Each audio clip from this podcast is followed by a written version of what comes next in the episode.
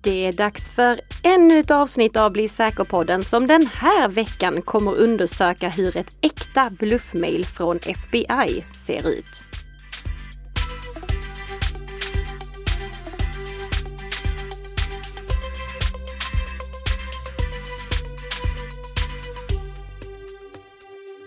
Morgon, god morgon Nicka! God morgon, god morgon Tess och välkommen tillbaka! Ja men tack så mycket, tack så mycket! Och vilken härlig intervju du hade med Linus Kvarnhammar i förra veckans avsnitt av Bli säker-podden som produceras i samarbete mellan Nicka Systems och Bredband2. Det håller jag absolut med om, för han kom hit och berättade lite om hur det var bakom kulisserna på inspelningen av SVTs Hackad-serie.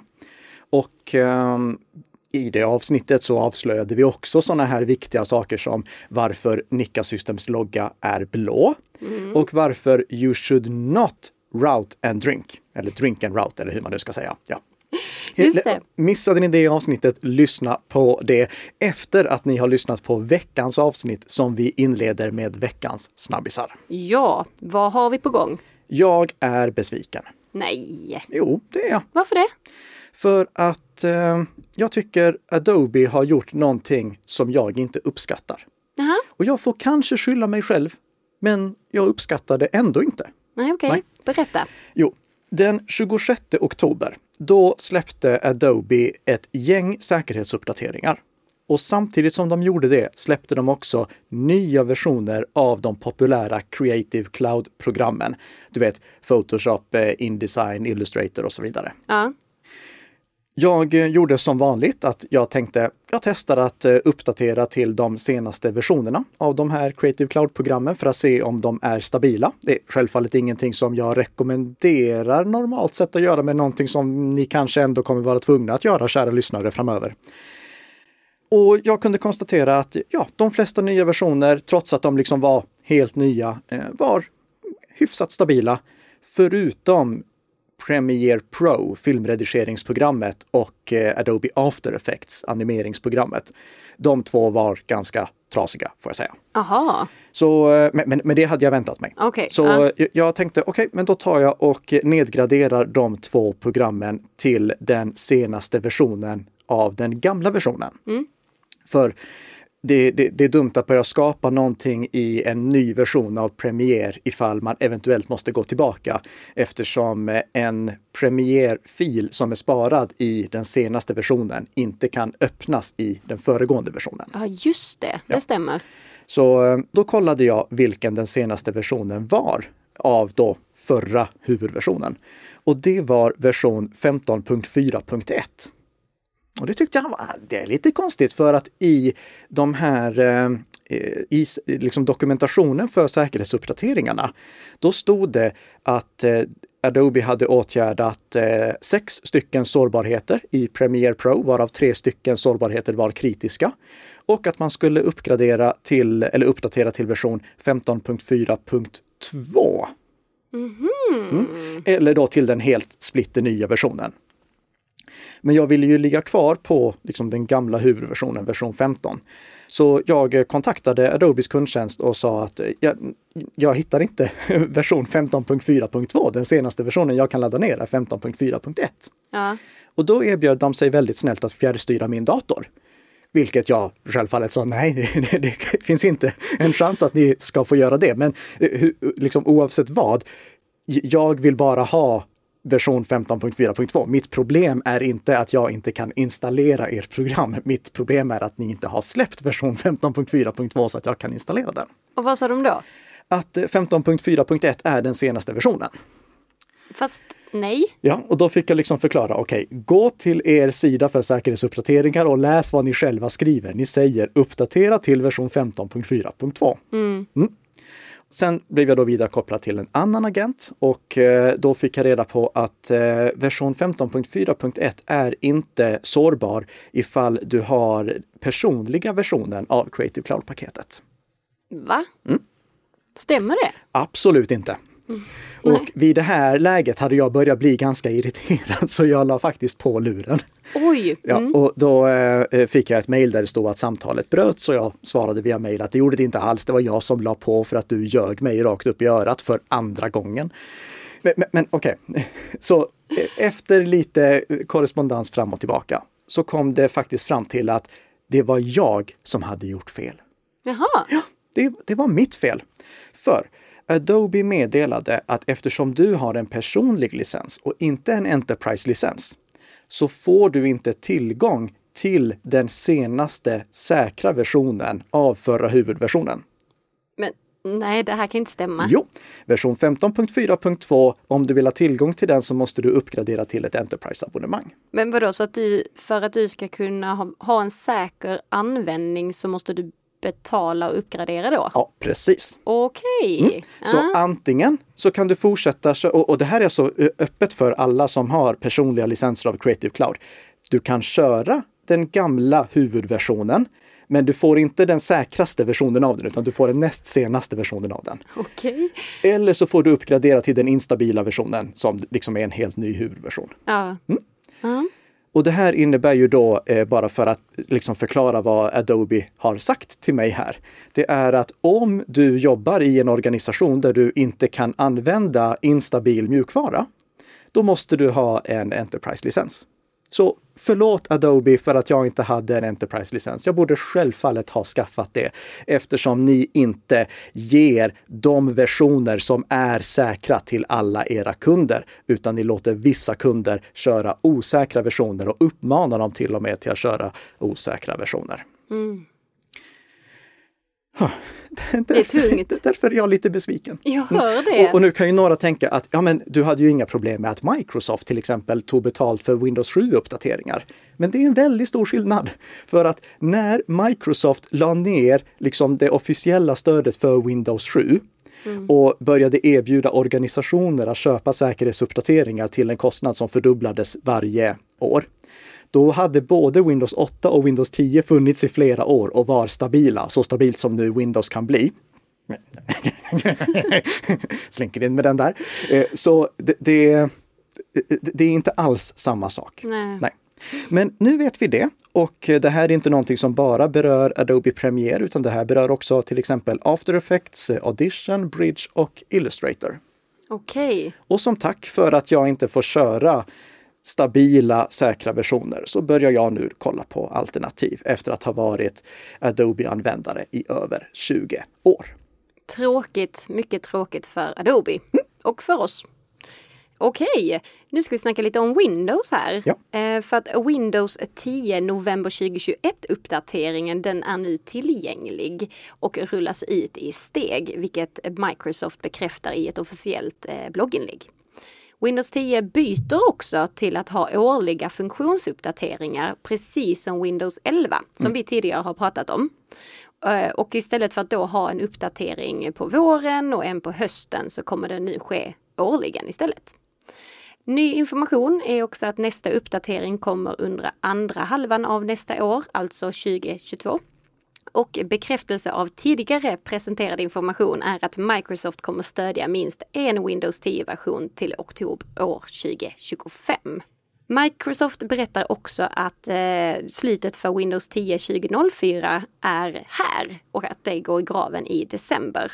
Så därför är det dags att uppgradera till höstuppdateringen från i fjol eller senare. Mm.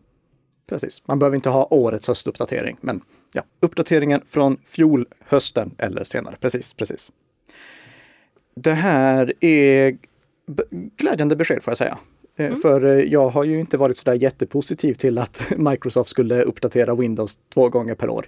Så eh, det låter rimligt att de sänker uppdateringstakten för Windows 10 till en gång per, per år. Ja, faktiskt. Och det är ju inte så konstigt egentligen för att om vi kollar under ytan så är ju Windows 10 och Windows 11 samma operativsystem. Så jag tror att det är bara för att det ska, det ska underlätta för dem att de har samma uppdateringscykel för Windows 10 och Windows 11. Sen, det- här berör ju alltså enbart funktionsuppdateringar, inte säkerhetsuppdateringar. Säkerhetsuppdateringar fortsätts att släppas på patch-tisdagen varje månad. Men just det här med nya funktioner, någonting som jag inte tror att vi kommer se speciellt mycket av till Windows 10 nu när Windows 11 är släppt. Men oavsett vad, det är funktionsuppdateringarna det handlar om. De går nu över till att släppas på årlig basis istället. Just precis. Och vi har mer Windows-snabbisar. Det har vi. Ja, från Apple. Ja, det, vilket blir lite lustigt här. Ja. För Apple har släppt version 13 av iCloud för Windows, alltså deras eh, iCloud-integration för Microsofts operativsystem. Mm. Och nytt i den versionen, det är bland annat stöd för ProRes-video och ProRAW-foton, alltså det här videoformatet och eh, fotoformatet som Apples eh, nya iPhones kan fotografera och spela in film med för att eh, bibehålla så hög kvalitet som möjligt.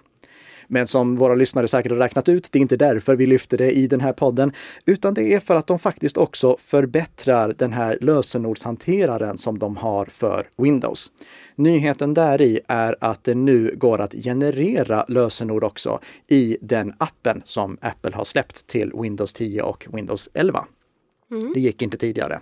Och det är fortfarande en väldigt funktionsmässigt avskalad app eh, och webbläsarintegrationen, den fungerar fortfarande inte med till exempel Firefox på Windows. Och, den fungerar ju inte med någon annan webbläsare än Safari på MacOS.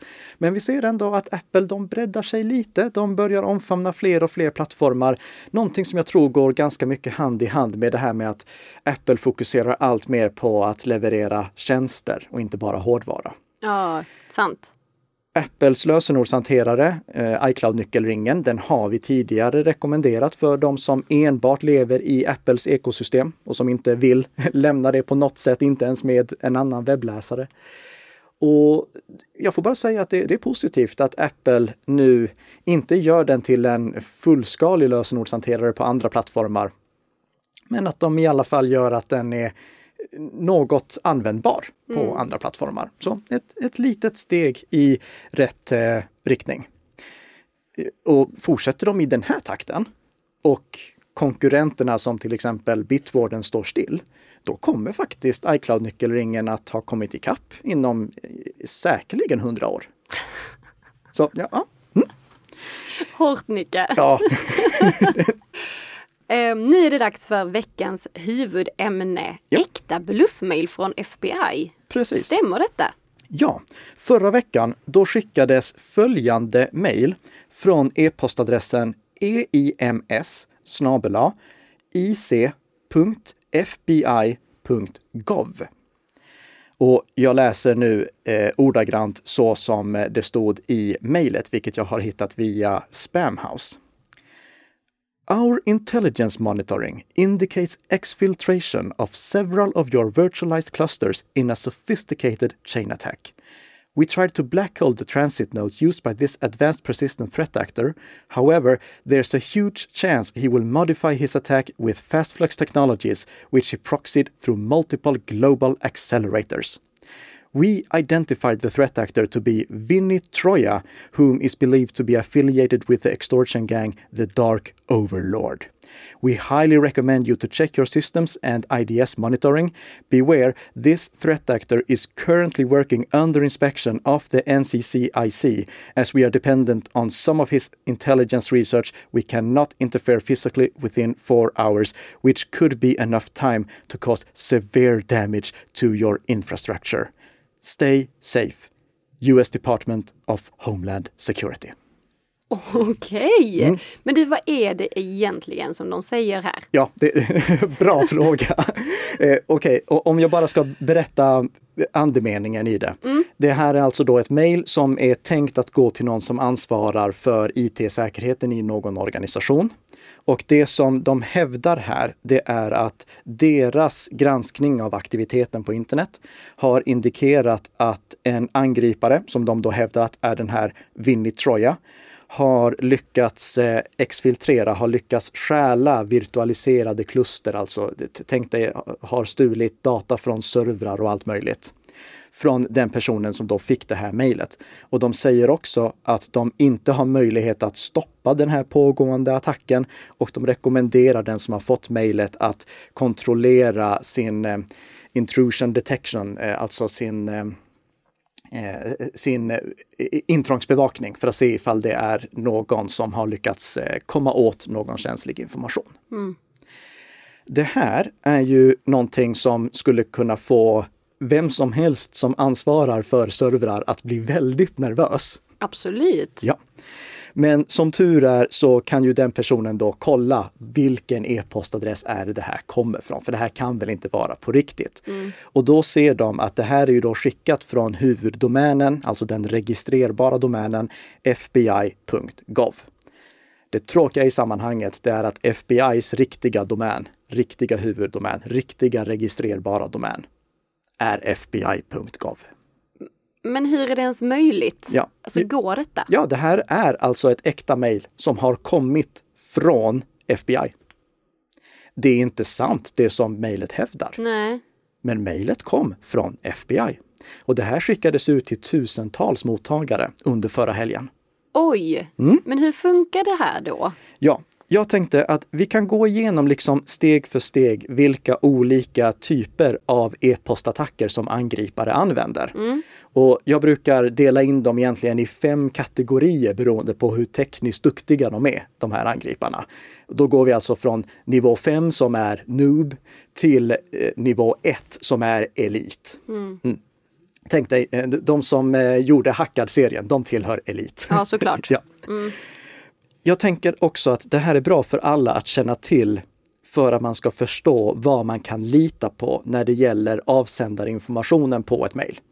Eh, Vi skulle kunna göra det här för sms också, för då är det jättelätt. Du kan inte lita på någonting. Men när det gäller mejl, då finns det ändå några saker du kan lita på eftersom ju sämre angriparen är, desto lättare är det att avslöja ett nätfiskeförsök eller ett bluffmejl. Och i och med att eh, merparten av de nätfiske och bluffmejl som skickas är ganska amatörmässigt gjorda så kan man avslöja väldigt många attacker.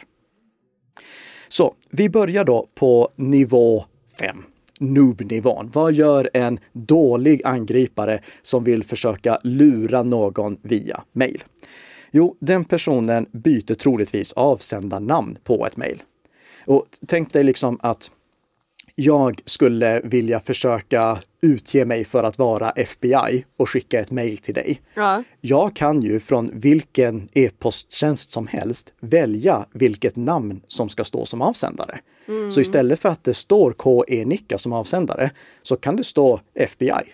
Det, det, det kan jag ändra själv. Så om jag skickar ett mejl till dig, då kan det stå FBI eller polisen som avsändare. Mm, men sen så är mejladressen som det Ja, kommer Ja, ifrån. precis. Då kan du kolla på mejladressen. Vad står det för mejladress? Jo, det står ke.nicka.nickasystems.com. Ja, just det. Och det är troligtvis inte den e-postadressen som FBI eller polisen mejlar från. Men det, det, eh, det är ändå någonting som jag tycker att man ska vara observant på, framförallt när man läser mejlen på sin mobil. För på mobilen, då döljs ju ofta adressen. Ja. Och om adressen är väldigt lång, då döljs ofta den absolut viktigaste delen, nämligen huvuddomänen. Det där sista. Eh, om det inte får plats liksom på mobilens lilla skärm, då döljs det ofta. Så var observant på liksom alla mejl som kommer på mobilen. Klicka alltid på avsändarnamnet så att du ser den riktiga adressen det kommer från och lägg mobilen på sidan i landskapsläge om du inte kan se hela adressen. Smart. Då går vi upp till nivå 4. Och det är att eh, angriparen registrerar en falsk avsändardomän. Låt oss säga att en angripare vill lura mig att eh, eh, öppna en infekterad bilaga. Då kanske angriparen utger sig för att vara Ikea. Vi tar Ikea som exempel. Ja. De, de, de tänker det är hög sannolikhet att eh, Nicke har köpt någonting på Ikea. Så då skickar de en faktura där det står avsändarnamn Ikea och det kommer från till exempel eh, ekonomi at någonting. Och egentligen så ska ju en sån faktura komma från typ ekonomi at ikea.com. Men det kan inte angriparna skicka från. Men det finns ingenting som hindrar angriparna att skicka från till exempel ikea-faktura.se. Ja, det är sant. Så de skulle kunna registrera en egen huvuddomän, ikeafaktura.se, och skicka mejl därifrån som har avsändarnamnet Ikea och som har en huvuddomän som påminner om Ikeas, men som inte är den riktiga. Och det är därför vi måste vara väldigt observanta på att det är rätt huvuddomän som står som avsändare. Så ifall du får ett mejl som kommer från någonting som ser lite underligt ut. Eh, om det kommer från Ikea, då ska det komma från Ikea.com och inget annat. Om det kommer från polisen, då ska det komma från polisen.se och inget annat. Om det kommer från Skatteverket, då ska det komma från skatteverket.se och inte skatteverket.net som vi såg ett exempel på för några år sedan. Mm. Så säkerställ att det är rätt huvuddomän, den sista delen, någonting punkt toppdomän, att det är rätt huvuddomän, rätt registrerbar domän. Sen har vi nivå 3 och nu börjar vi då komma in på de som är lite duktigare, de lite duktigare angriparna. Och ett av de bästa nätfiskeförsöken som jag själv har blivit utsatt för, det var angripare som mejlade mig en faktura från någonting snabela fortnox.minfaktura.se.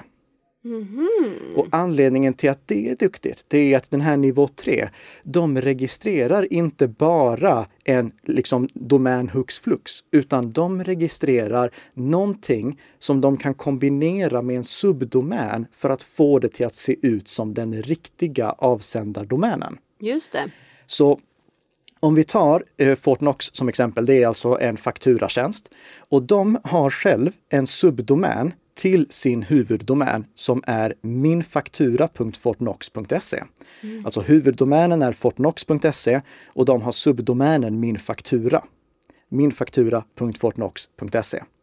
Och det är ju bara den sista delen, det sista, alltså någonting, punkt, toppdomän, som är det avgörande.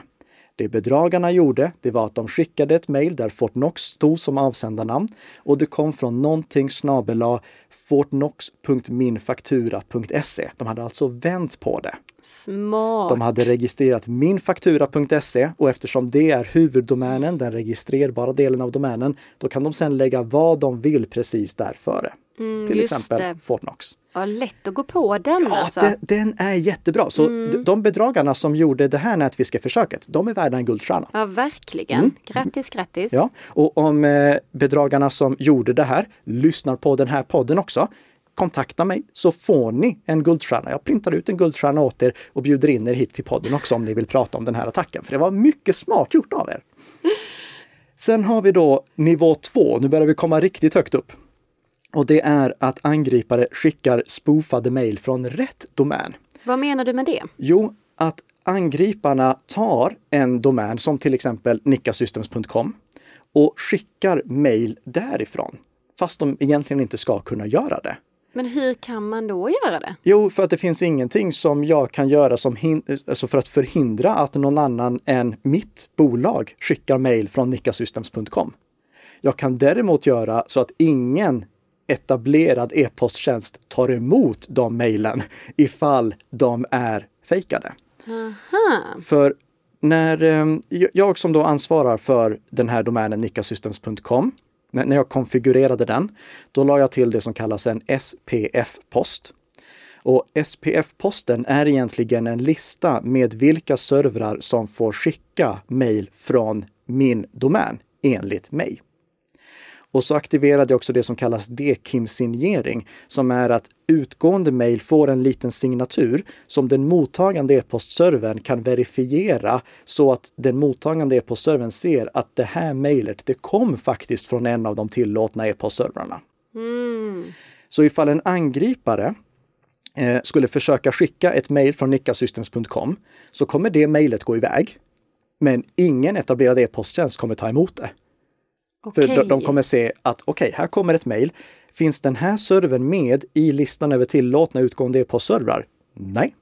Är det här korrekt EKIM-signerat? Nej. Okej, okay, då slänger vi det. Det här är ju ett bluffmail.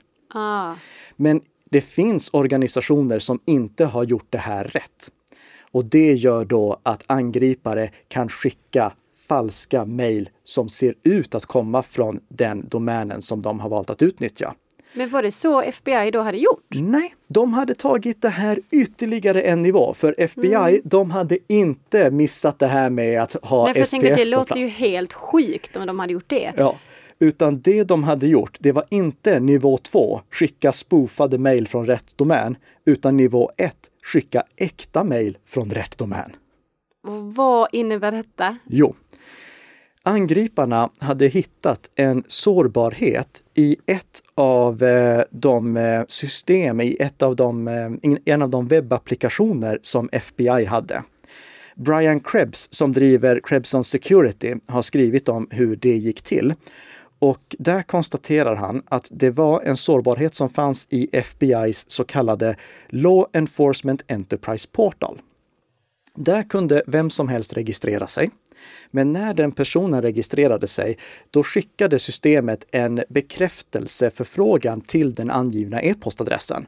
Och det är ju väldigt vanligt att när du registrerar dig på en sajt, då får du ett bekräftelsemail mm. med en länk du ska trycka på eller en siffra du ska skriva in för att bekräfta att det här är faktiskt min e-post. Och det är väldigt viktigt så att inte någon annan kan registrera sig på webbplatser med din e-post. Absolut. Mm, din e-postadress ska jag säga. Ja. ja. Det som FBI hade gjort fel här i det här systemet, det var att innehållet i mejlet kunde påverkas av själva webbläsaren, alltså från besökaren. Så angriparna hade upptäckt att när de bad det här systemet att registrera en ny användare och därför skicka iväg ett bekräftelsemail, då kunde de ändra från sin sida vad som stod i det bekräftelsemejlet. Aha. Så när de ville skicka ut äkta bluffmail från mm. FBI, då tog de ett offer, valde att registrera hans eller hennes e-postadress på den här eh, tjänsten eh, Law Enforcement Enterprise Portal. Men istället för att tjänsten då skickade en, ett bekräftelsemail till den personen med eh, en länk eller med en siffra i, så skickades ett bekräftelsemail med den ämnesraden och det innehållet som bedragarna valde. Alltså. Ja. Det här är självfallet allvarligt och FBI har mm. tagit det här systemet offline. Det var troligtvis ett system som inte hade underhållits på många år för att det, den rekommenderade webbläsaren för att använda det var Internet Explorer. Och jag får ju säga till alla lyssnare att ifall ni idag använder någonting där Internet Explorer är den rekommenderade webbläsaren, då är det inte någonting som ska vara tillgängligt på, den publika, på det publika nätet. Nej. Men, Men är här... detta verkligen vanligt? Alltså det här känns så avancerat. Jag vet inte hur vanligt det är. Det, det, det, finns lättare sätt att skicka äkta nätfiskemail från rätt domän. Mm. Eh, men här hade ju då verkligen bedragarna hittat en perfekt lösning. Mm. Och, och, jag får ju säga, här, om bedragarna hade velat göra någonting värre än att bara sprida massa struntprat, då hade de ju kunnat göra det. För att när de mottagande e-postservrarna fick de här mejlen, då tog den mottagande e-postservern i ett exempel då och kollade, okej, okay, kommer det här mejlet från en server som finns i FBIs eh, SPF-post? Mm. Ja. Är det korrekt DKIM-signerat? Ja. Det här mejlet kommer utan tvekan från FBI. Ah. Det, så, de hade ju kunnat hitta på vad som helst. Alltså, de hade ett guldläge för att göra någonting mycket, mycket värre. Tråkigt att de landade med det här då. Ja, eh, tur, tur samtidigt. Men... tur samtidigt. De gånger som vi annars ser att det kommer nätfiskemail från rätt domän, eh, som inte då är spoofade, då beror det oftast på att en medarbetare har fått sitt konto kapat. Så om en medarbetare eh, råkar läcka sitt lösenord eh, till ett e-postkonto, då kan ju en angripare som kan logga in på det e-postkontot skicka mejl som faktiskt kommer från den avsändaren. Uh. Om en angripare skulle lyckas få mig till att läcka mitt lösenord och på något sätt fiska en av mina tvåfaktorsautentiseringskoder till mitt e-postkonto, då skulle ju den angriparen kunna mejla som om han eller hon var, vore jag. Mm. För att det, det, kommer ju från det riktiga kontot. Ja, precis. Och det, det, här är det man ska vara liksom, lite observant på. Att ifall man får ett mejl från en kollega, en kund eller leverantör som skriver på ett sätt som han eller hon inte brukar göra. Fundera då, är det här verkligen ett mejl som kommer från den personen?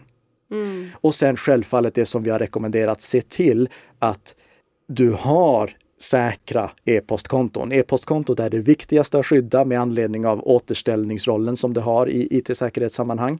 Så se till att du har ett starkt lösenord och att du har aktiverat tvåfaktorsautentisering till ditt e-postkonto så att det inte blir du som utnyttjas för att attackera en av dina vänner, kollegor, kunder eller leverantörer.